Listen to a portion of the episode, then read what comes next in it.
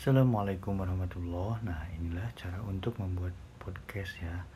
Jadi kalian hanya tinggal masuk ke Anchor Lalu klik yang tanda seperti mikrofon itu Simbol mikrofon. Nah lalu kalian mulai untuk record. Nah seperti ini. Nanti akan lanjutkan lagi dengan cara dengan melihat Screen uh, dari bapak ini ya. Contoh video dari bapak ini.